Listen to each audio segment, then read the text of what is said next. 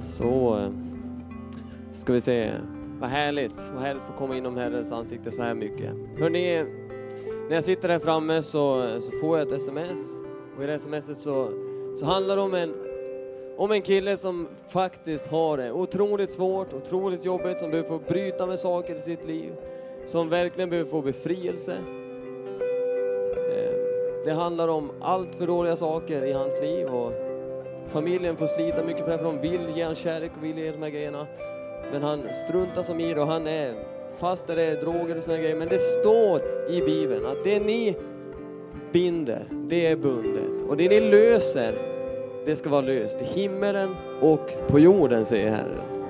Om vi ber i hans namn. Kan vi inte här tillsammans få be för den här familjen och be för den här pojken och lyfta upp honom inför Herren? Jag tycker vi står upp när vi gör det här. För när kungen kommer, då står vi upp. Och så be, var med och be mig här nu. Be för den här killen. För han behöver dina böner. Den här familjen behöver dina böner. Och vi ber nu om att i Jesu namn, Herre Jesus, vill vi bara lägga ner den här killen i dina händer. Vi ber Jesus om att du ska komma konkret till honom nu. Att du ska bara lösa de här sakerna Jesus, som tynger honom. Som inte han förstår förstör hela hans liv, Herre Jesus. Vi ber om frihet. Vi ber bara om bittersmak mot allt som är bittert i livet. Jesus, vi vet att du är stor. Vi upphöjer dig för att du kan, du kan Herre Jesus. Vi ber om att din heliga Ande ska få komma till han där nu. I möta han med ljus i hans mörker. Och det här ber vi inte om i, i någon liten Guds namn, utan du är allas Gud. Du är stor Gud. Du är allmäktig. Jesus, vi ber i ditt namn. Du som är kungars kung och herrars herre Jesus. Förlös din ande över han. Var med i den här familjen också. Jag ber om att du ska komma med glädje och kärlek och ännu bara ge dem frid. Att du ger dem tålamod. Att du ger dem ork, att du ger dem tröst. Jesus, du är tröstens Gud. Du är en medlidande Gud, Herre. Kom med din storhet till dem. Uppenbara din godhet för dem. De orkar inte mer, Jesus. Och när vi inte orkar mer så kommer de än en gång till dig och bara ber om hjälp. Så Jesus, vi bara tackar dig för att du, men du fullbordar ett gott verk. Det står i ditt namn. Du fullbordar till Jesu Kristi dag. Vi ber om att segerns dag ska vara idag. I Jesu namn vi ber. Kan du vara med mig och säga amen på det? Amen. Hörrni, vi ska få höra på Hans ikväll. Ni kan få sitta ner. Eh, välkommen. Det är ju inte alla som, eh, som vet vem du är, som kanske har varit här eh, tidigare. Men några av er har varit det och jag tror att ni har fått väldigt mycket välsignelse av det Hans har haft på sitt hjärta här. Och innan du får börja tala, du ska få presentera dig själv också lite grann. Du kan nog mer om dig än vad jag kan om dig. Så jag överlåter det till dig. Så får vi bara be för Hans. Herre Jesus, jag tackar dig för Hans. Tack för att du har kallat honom hit. Till Nya Parken ikväll och de här kvällarna vi har här. Till den ekumeniska böneveckan som vi får ha. Jag ber om att du ska fylla honom med din vishet nu. Jag ber att du ska öppna våra ögon, våra öron, våra förstånd så att vi kan höra, se och ta emot av ditt ord.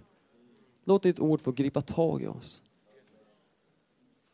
Och jag bara tackar dig och välsignar dig för allt det goda som han ger oss. Välsigna honom tillbaka, välsigna hans församling, välsigna hans familj. Vi bara lägger han i dina händer och bara be om beskydd, beskydd över den här lokalen. Tack för dina änglar är här och betjänar oss nu Herre. Ja, vi tackar dig.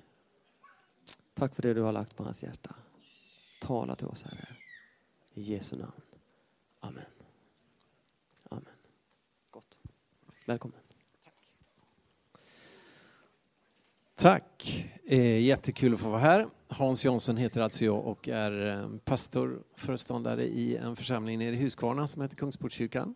Har jobbat där i 12 år, har jobbat i församling i över 40 år. Eh, och eh, älskar att undervisa, älskar att få eh, vara med i ledarskap och tala om ledarskap och vara med och leda och så. Eh, gift, har tre barn och eh, är väldigt sportintresserad. Eh, håller på, det ska man inte säga egentligen här i Örnsköldsvik. Nej, jag ska nog inte säga det. Det blir allt för svårt då. Men jag håller på det laget som spelade ner Modo i allsvenskan förra året. Eh, jag har haft glädjen att få skriva en bok som kom ut i somras som heter Inför livets andra halvlek, att göra det bästa av resten av ditt liv. Den är skriven framförallt till människor mitt i livet, men jag tror att faktiskt man kan läsa den med behållning vilken ålder man än är i. Eh, jag har en del tonåringar som har kommit och sagt jag har läst den och tycker den var jättebra. Så att eh, den handlar om att göra det bästa av resten av ditt liv och då har jag fått kombinera eh, det här som jag älskar, att tala om Jesus men också få eh, använda mycket sportillustrationer, mycket citat av fotbollsspelare och sådär. Och imorgon ska vi ha ett ledarseminarium med Elim. Där jag kommer att tala om två saker. Dels ett lag behöver ledare och dels hur bygger man ett vinnande lag. Jag funderar på att ringa Andreas Johansson, Modos tränare, och inbjuda honom. Hur bygger man ett vinnande lag? Eh, om du vill lära dig det så kom till Elim imorgon. Jag tror att det blir spännande faktiskt. Eh, man kan anmäla sig va? Det är inte för sent? Eller? Det är egentligen för sent, men det finns mycket finns mycket nåd. Ta kontakt med Robert och betala dyrt så får du komma med. Eh, vill du köpa min bok så finns den där nere. Du kan använda Swish eller eh, betala med kontanter, vilket du vill. Hörrni, eh, det händer mycket när, när Guds folk ber. När Guds folk är samlade i Övik och ber, då händer det saker. Då passerar plötsligt Sverige 10 miljoner invånare. Och då väljs en ny president i USA. Jag vet inte om det har att göra med att vi ber, men, men alltså, någonting är säkert. Det händer alltid någonting när Guds folk ber. Och vi har ett tema den här, den här veckan som är så här, en kyrka för alla folk och generationer. Igår talade vi om församlingen, om kyrkan och idag så, ikväll så tänkte jag säga någonting om en kyrka för alla. En kyrka för alla. Jag tänker så här, jag tror att vi som kristna alldeles för ofta är alldeles för nöjda för snabbt och tänker så här, ja vi är en del människor som är kristna och så har vi en stor grupp människor i våra samhällen som inte är kristna. I Övik här till exempel, en del är kristna och en del är inte kristna. Den eh, kanske lilla gruppen är kristna då, eller aktiva, överlåtna kristna och så finns det en stor grupp som inte är det. Och så är det och så kommer det alltid att vara, tänker vi. Men jag tror inte att vi ska tänka så. Utan jag tror att Gud vill någonting helt annat. Det står så här i första Timotebrevet eh, kapitel 2. Att Gud vill att alla människor ska bli frälsta och komma till kunskap om sanningen. Det är Guds vilja. Gud vill att alla människor ska komma eh, till honom och få ta emot frälsning och evigt liv i honom. Alla. Gud vill ha en kyrka för alla. Gud är inte nöjd med att du och jag är kristna. Han älskar det, han gillar det att du och jag är kristna. Men han är inte nöjd så länge det finns människor som inte tillhör honom. Hans hjärta går hela tiden ut, sträcker sig hela tiden ut efter de som inte har kommit till tro. Vi har tre barn. Inget av de barnen kan ersätta någon annan. Om vi skulle förlora ett av de barnen så skulle man inte säga så här, ja det gör inte så mycket för vi har ju ändå två kvar. Ingen kan ersätta den andra.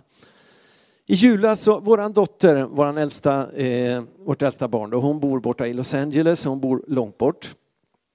Och i jul så skulle hon inte kunna komma hem. Hon sa att eh, det är lite för kort ledighet som jag har så att jag väntar och kommer hem i mars istället. Och då tänkte vi då åker vi och åker skidor tillsammans hela familjen och gör något kul när hon kommer hem. Men vi ville ju ändå skicka julklappar till henne och då sa hon så här, skicka dem inte utan det är så att min kompis Emily, hennes kompis, ska åka till Los Angeles strax före jul, dagarna innan och hon har gott om plats i sin packning.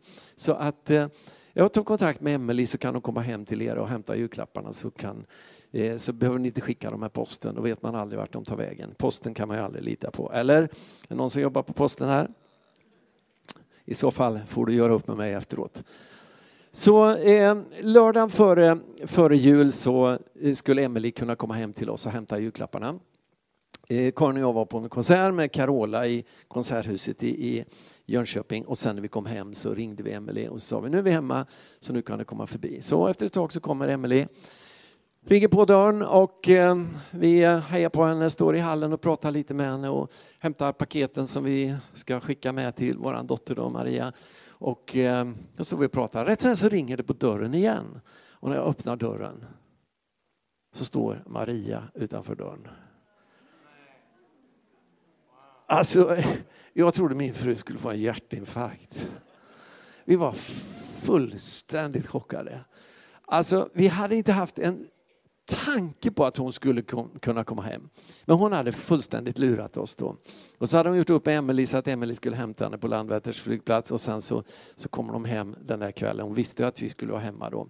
Eh, det hade ju bara varit lite pinsamt om vi hade bestämt, och, bestämt oss för att överraska henne och åkt till USA. Det hade kunnat bli riktigt, riktigt pinsamt. Men så blev det inte. Alltså, det var vår absolut bästa julklapp. Att Maria kom hem. Våra killar Simon och Jakob, de var hemma. Och det var vi jätteglada för. Vi älskar dem hemskt mycket. Men det hade fattats någonting om inte Maria hade varit hemma. Julen blev liksom inte fullständig förrän hon kom hem också. Vet du att Gud han vill ha alla sina barn hos sig. Det var därför Gud var inte nöjd. Jesus berättar en liknelse om en, en, en man som hade två söner. Den ena sonen var hela tiden hemma hos honom. Den andra sonen han åkte iväg, åkte bort ifrån fadern. Och Gud, Fadern, i den där berättelsen som är en, en, en bild för, för, för, Gud då, han var inte nöjd förrän den där förlorade sonen hade kommit hem. Det var inte fullständigt förrän båda sönerna var hemma. Därför att Gud älskar alla sina barn och Gud vill att alla människor ska bli frälsta och komma till kunskap om sanningen. Och vi skulle behöva vi skulle behöva skapa, du vet, när, när någon går vilse sådär så, så brukar missing people eh, engagera sig. Då ger de sig ut och letar efter den där som har gått vilse tills de hittar den förhoppningsvis. Va?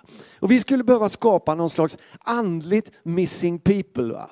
Vi skulle behöva skapa en organisation där vi verkligen letar efter de människor som har gått vilse, som har gått bort ifrån Gud och ser till att de kommer hem till Gud igen. Va? Det skulle vi behöva. Ett andligt missing people. Undrar om någon ska starta en sån organisation här i Övik. Det vore häftigt tycker jag. Innan Jesus lämnade jorden så gav han oss ju det här uppdraget, det stora uppdraget. Han sa, gå ut i hela, jord, hela världen och gör alla folk till lärjungar. Döp dem i Faderns, i Sonens och i den helige Andes namn. Lär dem att hålla allt vad jag befallt er och se jag med er alla dagar till tidens slut. Gud vill att alla människor ska komma till tro. Och det finns människor runt omkring dig som inte känner honom. Du kanske är den enda som ber för dem. Om du nu ber för dem. Kanske finns någon i din klass, det kanske finns någon i, i din trappuppgång, det kanske finns någon på ditt jobb som ingen annan ber för. Och som ingen annan berättar för om Jesus. Och då är frågan, gör du det? Eller gör du det inte? Gud vill att du ska göra det, för Gud vill att alla människor ska komma till tro. Innan vi flyttade från, från Falun där vi bodde innan vi kom till Huskvarna, jag var pastor där i tio år, i något som då hette Esportkyrkan som nu heter Lugnetkyrkan för de har byggt en ny kyrka där. Så strax innan vi flyttade ner till Huskvarna så var det så att min farbror som bodde i Bålänge blev sjuk, hamnade på lasarettet i, i Falun.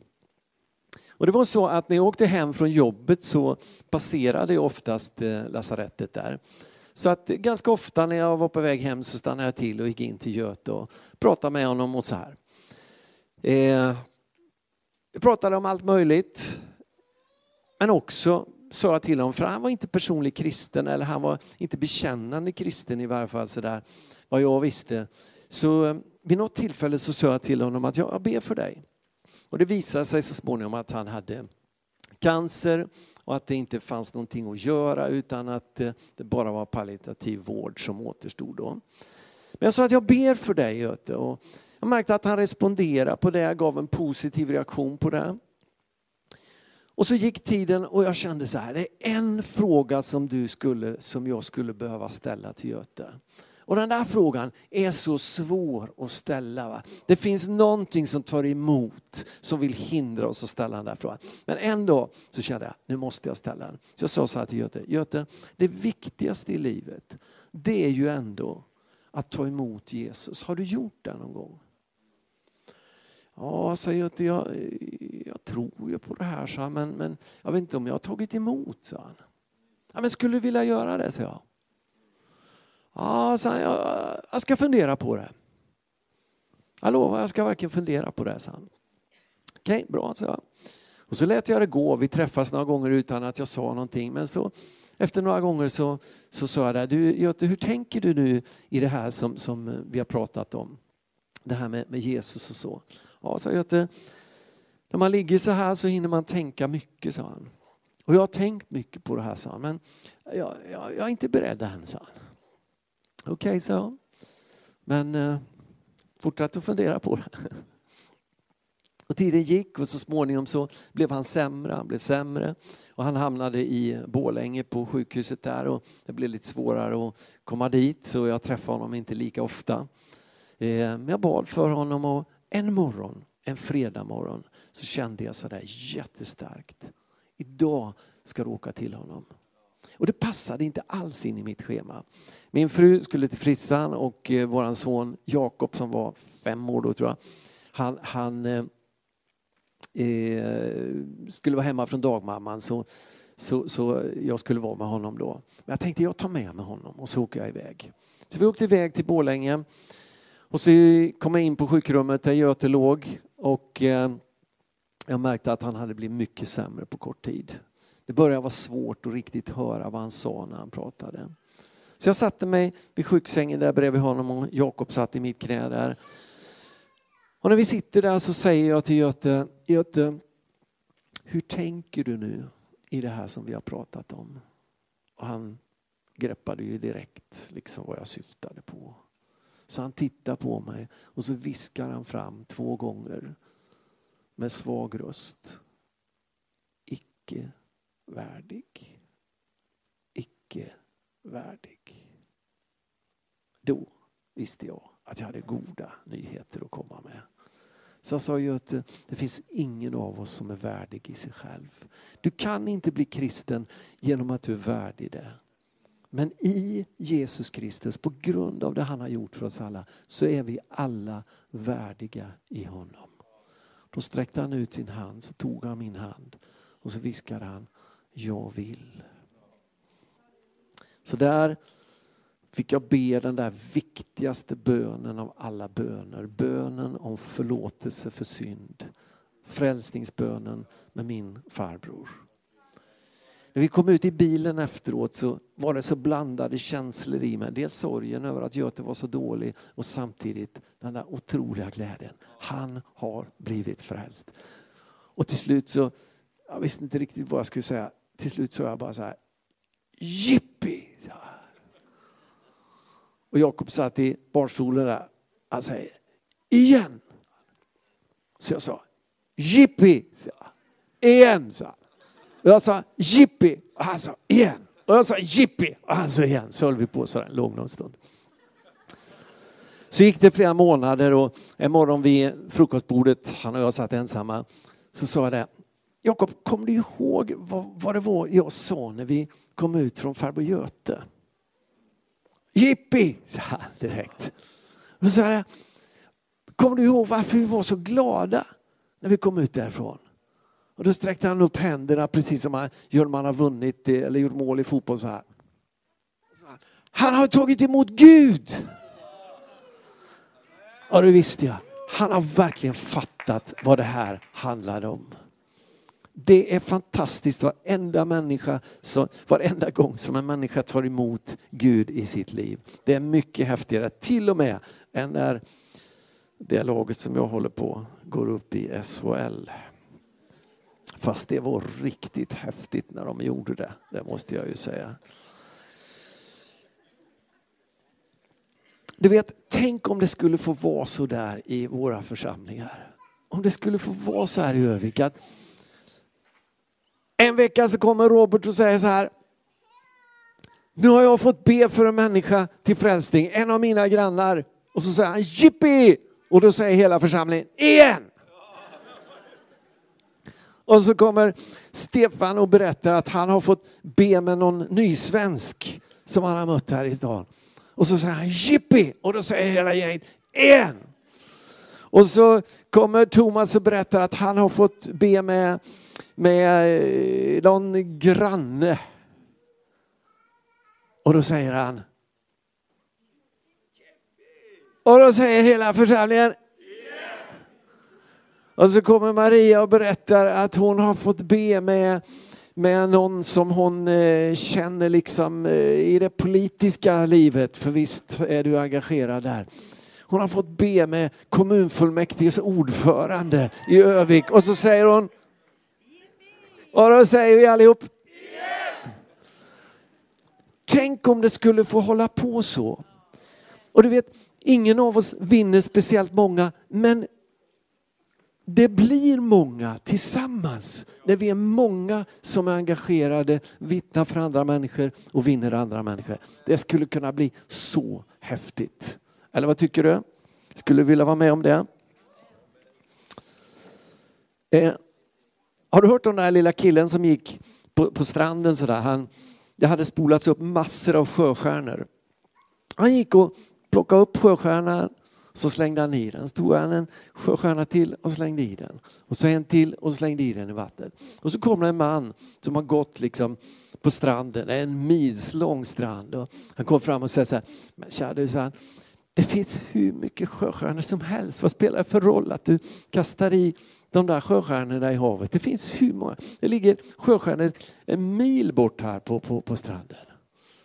Kolla den här lilla killen på sjöstjärnan som har, han har i handen. Så han, för, det här, för den här spelar roll så kastar han i den. Vi kan känna så här, vad spelar det för roll att jag vinner en människa för Gud?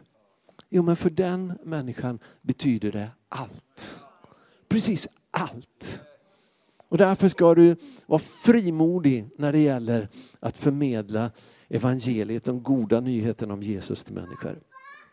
Får då, bara kort, några lärdomar ifrån den där erfarenheten med Göte. Min första erfarenhet av den, den eh, händelsen, det är att bönerna verkar. Det lönar sig att be. Min pappa hade ganska många syskon. Det var bara min pappa som, som blev en personlig kristen från början. Men mot slutet av de här andra syskonens liv så kom den ena efter den andra till tro. Och jag märker en sak, böner verkar. Vi hade besök av en man, det är ett av de mest fantastiska vittnesbörd jag hört. En man som heter Tass Sada, jag tror jag berättade om honom sist jag var här. Eh, Tass är född på Gazaremsan. Han eh, växte upp och lärde sig att hata judar. Flyttade så småningom till Saudiarabien. Han tog värvning i PLO, han hatade judar och han ville vara med och eh, utföra terrordåd mot judar. Han har gjort det, han har ganska mycket blod på sina händer. Han var privatchaufför åt Yassir Arafat som var PLOs ledare. Han var krypskytt i, i PLO. Så småningom flyttar han till USA. Han börjar jobba på en restaurang. Och på den här restaurangen så finns det, det, det är en man som ofta kommer dit och käkar. Och han, han ser bara, han har något speciellt. Det är något speciellt med den där mannen. Och han blir så nyfiken på att veta vad det är så han frågar honom, vad är det för speciellt med, med dig? Så du, du har någonting. Och då säger han, ja, det är en kontakt jag har. Så här. Vad är det för kontakt du har? Ja, det är du inte mogen att höra om än, säger han. Och han kommer tillbaks gång på gång och säger, du den där kontakten du har, berätta om den nu. Nej, du är inte mogen än, säger han. Och nästa gång han är och äter så går han fram och säger, du, du, den här kontakten du har, berätta om den nu. Nej, du är inte mogen än, säger han. Och till slut en dag, söta Sara, han är så desperat, han är så nyfiken, så fruktansvärt nyfiken, så han går fram till den här mannen, han böjer sina knän och säger, berätta nu om den där kontakten du har. Och säger han, nu är du mogen, kom hem till mig imorgon. Så dagen efter så åker han hem till den här mannen. Han är jättenyfiken. Vad är det för kontakt han har? Vad är det som, som, som är så speciellt med den här mannen? Så han åker hem till honom. Han kommer in till honom och det första den här mannen säger till honom det är Du måste lära dig att älska en jude. Och Tassara blir rasande. Han hatar judar. Han säger, hade du inget bättre att komma med, säger han. Och så vänder han på klacken och tänker gå därifrån. Då säger den här mannen till honom, du lugna ner dig, sätt dig ner här. Den kontakten jag har, det är Jesus. Och det är honom du måste lära dig att, att, att, att älska. Det är han som är min kontakt. Och så tar han fram Bibeln och så börjar han läsa ur Johannesprologen. I begynnelsen var ordet, och ordet var hos Gud och ordet var Gud. Och när han läser de här orden ur Bibeln, det är väldigt bra att läsa Bibeln, därför att det finns sån kraft i Bibeln. När han läser de där orden ur Bibeln så bara slår Guds ande ner i Tassada. Han faller till marken, han ser ett stort ljussken och så ser han två stycken knäppta händer. Och på den ena handen så är det ett kors tatuerat. Och när han ser det där så känner han igen de händerna. Därför att när han växte upp så hade de en barnflicka från Filippinerna i Saudiarabien. Hon hade ett kors tatuerat på sin hand. Och Tassadas tolkning av det här, det var den här. Hennes böner har legat över mitt liv hela tiden. Hon kunde inte vittna naturligtvis för honom i Saudiarabien, det var inte tillåtet. Men hon hade säkert bett för honom. Han var en ökänd terrorist. Han levde så långt borta ifrån Gud som du kan tänka dig. Men den här filippinska barnflickans böner, de låg över honom hela tiden. Och de slutade inte verka, för böner slutar inte verka. De fortsätter verka. Och till slut så drogs han till Gud. Du, om du har någon du ber för och du tycker det händer ingenting, det tar inte. Du, Håll ut, fortsätt. Därför att bönerna fortsätter att verka. Och den dag som du dör så kommer dina böner att fortsätta verka ändå. Därför att böner, de försvinner inte ut i tomma intet. Utan Uppenbarelseboken säger att de finns på tronen på guldaltaret. Där har Gud dina böner och de fortsätter verka. Så be frimodigt. Den andra lärdomen, det är den här, att vara en medmänniska som bryr sig. Jag gjorde något väldigt enkelt. Jag åkte till min farbror och besökte honom när han var sjuk. Inget märkvärdigt alls. Det var allt jag gjorde. Jag brydde mig om honom. Du, jag tror på evangelisation som handlar om att möta människors behov. Att göra enkla kärlekshandlingar, handlingar av omsorg, av omtanke. När vi börjar bry oss om människor, när vi börjar bry oss om vad är det som den här människan drömmer om? Vad är det som den här människan längtar efter? Vad är det som den här människan har bekymmer med? Vad är det den här människan är orolig för? Vad är det för besvikelser som finns i den här människans liv? När vi börjar fråga oss det, ställa oss de frågorna och försöka möta människors behov så kommer det att hända någonting. Därför att Gud bryr sig om människor och när du och jag bryr oss om människor så får vi gå Guds ärenden. Den tredje, tredje lärdomen det är den här att våga ta upp de där, den där livsviktiga frågan om Jesus med människor. Våga ställa frågan. Jag har en kompis som är som är företagare, han är en duktig säljare. Han sa en gång till mig så här, ni pastorer, ni är så nöjda med alla kontakter ni har. Ni talar alltid om alla kontakter ni har, vi har så många kontakter och vår församling har så många kontakter. Jag sa, jag kan inte vara nöjd med kontakter. Jag måste fråga människor, ska det bli köp eller inte? Som företagare kan jag inte bara vara nöjd med att jag har en massa kontakter. Jag måste fråga, ska du köpa eller inte? Det där skulle vi behöva bli bättre på. Vi pastorer, men alla kristna tror jag. Ska du bli kristen eller? Vi kan ju vittna, vi kan berätta. Vi kan... Alltså jag har ju kommit på mig själv, vi har ju haft en del människor på Alfa som har gått en hel Alfa-kurs som aldrig riktigt har fått frågan sen, vill du bli en kristen? Ja, men vi var jätteglada, de gick där tio gånger, elva gånger eller hur många gånger vi nu har. Liksom, va? De var med och de lyssnade. Men vi frågade aldrig riktigt, ska du köpa eller inte? Ska du ha det? Men det tar emot att ställa den där frågan därför att den är så viktig, den är så livsavgörande. Och just därför behöver vi ställa den frågan. Ska du bli kristen? Och det fjärde och sista som, som jag lärde mig var det är så viktigt att vara lyhörd för andens ledning. Den här morgonen, fredag morgonen, när jag upplevde idag ska du åka dit. Det var så här, det visade sig att dagen efter så förändrades Götes tillstånd dramatiskt. Han var inte längre kontaktbar. Och bara några dagar senare så slutade han sitt liv på den här jorden. Den här fredagen var sista dagen som han var kontaktbar. Det visste inte jag, men det visste den helige Ande. Och därför var den helige Ande på mig så. Du måste åka idag. Åk idag. Ibland så, så får vi sådana där ingivelser, impulser. Gör det här. Säg det här till den där människan. Ring det här samtalet. Säg den här uppmuntran till någon. Och vi tänker, ah, det är nog bara jag som hittar på. Men tänk om det är Gud som talar till oss.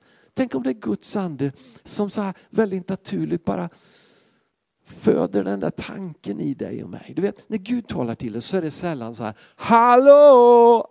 Utan det är så här, liten puff i sidan. Så här, du, gör det här. Säg det där. Ser du den där människan? Gör det här. Gå fram, ge den här uppmuntran. Krama om den där människan där borta. Den lilla impulsen liksom, va? som det är så lätt att missa. Våga tro att Gud faktiskt talar till dig och gör det som han säger till att göra. Och du kommer att få gå i förberedda gärningar och göra det som han vill att du ska göra. Och det finns ingenting bättre än att få se en människa komma till tro på Jesus. Det slår allt. Det är faktiskt häftigare än att köpa bil. Det är till och med häftigare än när det här laget jag håller på vinner en viktig match. Det finns ingenting som är bättre att få leda en människa till Jesus. Det finns inget viktigare. Inget viktigare.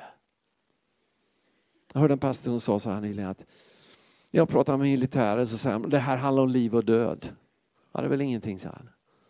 Det jag håller på med, det handlar om liv och död för evigheten. En del av mina affärskollegor sa han, och säger så här att det här är så viktigt, det är en stor affär vi gör. Ja, men det är ju bara pengar. Det jag sysslar med, det är evigheten för människor. Det är det vi sysslar med. Det är så viktigt. Det är så mycket som står på spel. Och därför ska du och jag vara så frimodiga. Gud, jag ber om att du ska ge oss en riktig ande av frimodighet. Gud, vi bekänner att vi är ofta fega. Vi är ofta väldigt fega när det gäller att vittna för människor. Vi är väldigt fega när det gäller att berätta om dig. Och vi är väldigt försiktiga när det gäller att ställa den där frågan. Vill du bli en kristen? Vill du ta emot Jesus? Herre, jag ber om att du skulle öka vår frimodighet många gånger, Herre. Multiplicera vår frimodighet. Jag ber om det. Och låt oss få ha vår glädje i att vinna människor för dig. Herre, vi vill vara en kyrka för alla. Vi vill inte vara nöjda förrän, förrän egentligen alla människor som finns i den här bygden tror på dig. Herre, det vill vi liksom sträcka oss mot. Det vill vi jobba för. Även om vi inte når dit, vi vill jobba mot det här. Vi vill be om det, vi vill drömma om det. Vi vill arbeta för det. Att människor ska komma till tro därför att du vill att alla människor ska bli frälsta och komma till kunskap om sanningen. Och Herre, vi vill att du ska få alla dina barn hem till dig. Tack för att du vill använda oss. I all vår svaghet så vill du använda oss. Om vi är unga, om vi är gamla, oavsett var vi befinner oss så vill du använda oss. Tack för det. Amen. Kan vi göra så här att vi bildar små grupper, tre, fyra stycken och så ber vi för varann att vi ska få vara sådana människor som vinner andra för Jesus. Och om du har någon människa i din närhet, någon kompis som du sådär riktigt mycket önskar ska få bli en kristen. Nämn namnet på den och så ber ni för den. Är det okej? Okay? Eller om du har en mamma eller pappa eller ett barn eller en syrra eller brorsa eller granne eller vem det nu är. Nämn den människa som du allra mest skulle vilja se komma till tro. Och så ber ni tillsammans för det. För bönen verkar, det händer någonting när vi ber. Det är inte oväsentligt att vi ber. Det är så viktigt. Kan vi göra små grupper, tre, fyra stycken och så ber vi för det.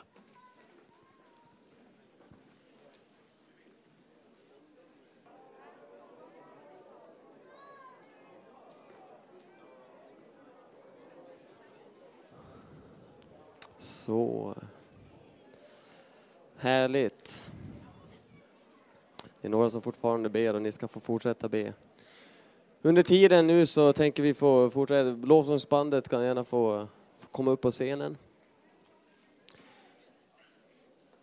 Så har vi lust också att få göra här, vi som är pastorer, präster och vi som har eh, någon ledarställning i kyrkan, att vi får, kan få samlas här och göra som en, en tunnel. Jag vet att vi har gjort det några andra år också, men det finns en biblisk tanke bakom det här, att det blir som en utsändning. För, för Hans pratade om det, att vi, vi behöver få sändas ut. Vi behöver få, få vara med och sända ut varandra i uppdraget om att gå ut med evangeliet. Det är vi överbevisade om. Så vi, vi tänker att vi gör det. Och det, det är ingen hokus pokus på något sätt det här, utan ja, men känner du, ja, men jag skulle vilja behöva mer kraft i att våga. Jag skulle behöva mer uppmuntran kanske i mitt liv att våga. Jag, ja, men jag vågar inte, jag skulle vilja våga. Kanske det. Så kom här, vi tror att den, vi bara ber eh, med händerna lyftas här och du går igenom. Och så tror vi att i det så sker saker. Det kanske bara är att Gud planterar ett frö som får växa eller helt plötsligt så kanske han bara slår med frimodighetens ande över dig. Det är den heliga ande som bestämmer över en sån situation. Ni får gärna börja spela också under tiden här. Och då, under tiden, det kanske är så att du vill ha personlig förbön också, du känner att det här talar så enormt mycket till mig eller du skulle vilja ha mer av det här, så finns det möjlighet till personlig förbön här uppe. De har röda band på sig, de som står som förbedjare. Det kommer vara några av ungdomsledare, ungdomspastorerna också vara där och stå. Ser vi att det behövs mer så fyller vi på Eh, med mer folk också. Så kan du få komma dit och eh, ja, men få be med någon. Men vi gör den här tunneln nu. Känner du att jag har en ledaruppgift i kyrkan, eh, där jag står i ledarskapet, men kom gärna fram, jag uppmanar dig till det. För det står väldigt tydligt med apostlarna sände ut Stefanos och de här som blev medhjälpare. Och när Paulus och Barnabas åker iväg på sin första missionsresa så var apostlarna där och bad för dem före. Och hela tiden så ser vi hur de troende sänder ut medarbetare. Så vi kan göra så att vi, vi kommer den här vägen och, och så sänds vi ut den där vägen. Visst blir det bra? Utgången är lite närmare om man går den vägen, så det blir symboliskt. Då ställer vi oss här och så är du välkommen och det är, du går igenom och vi välsignar dig.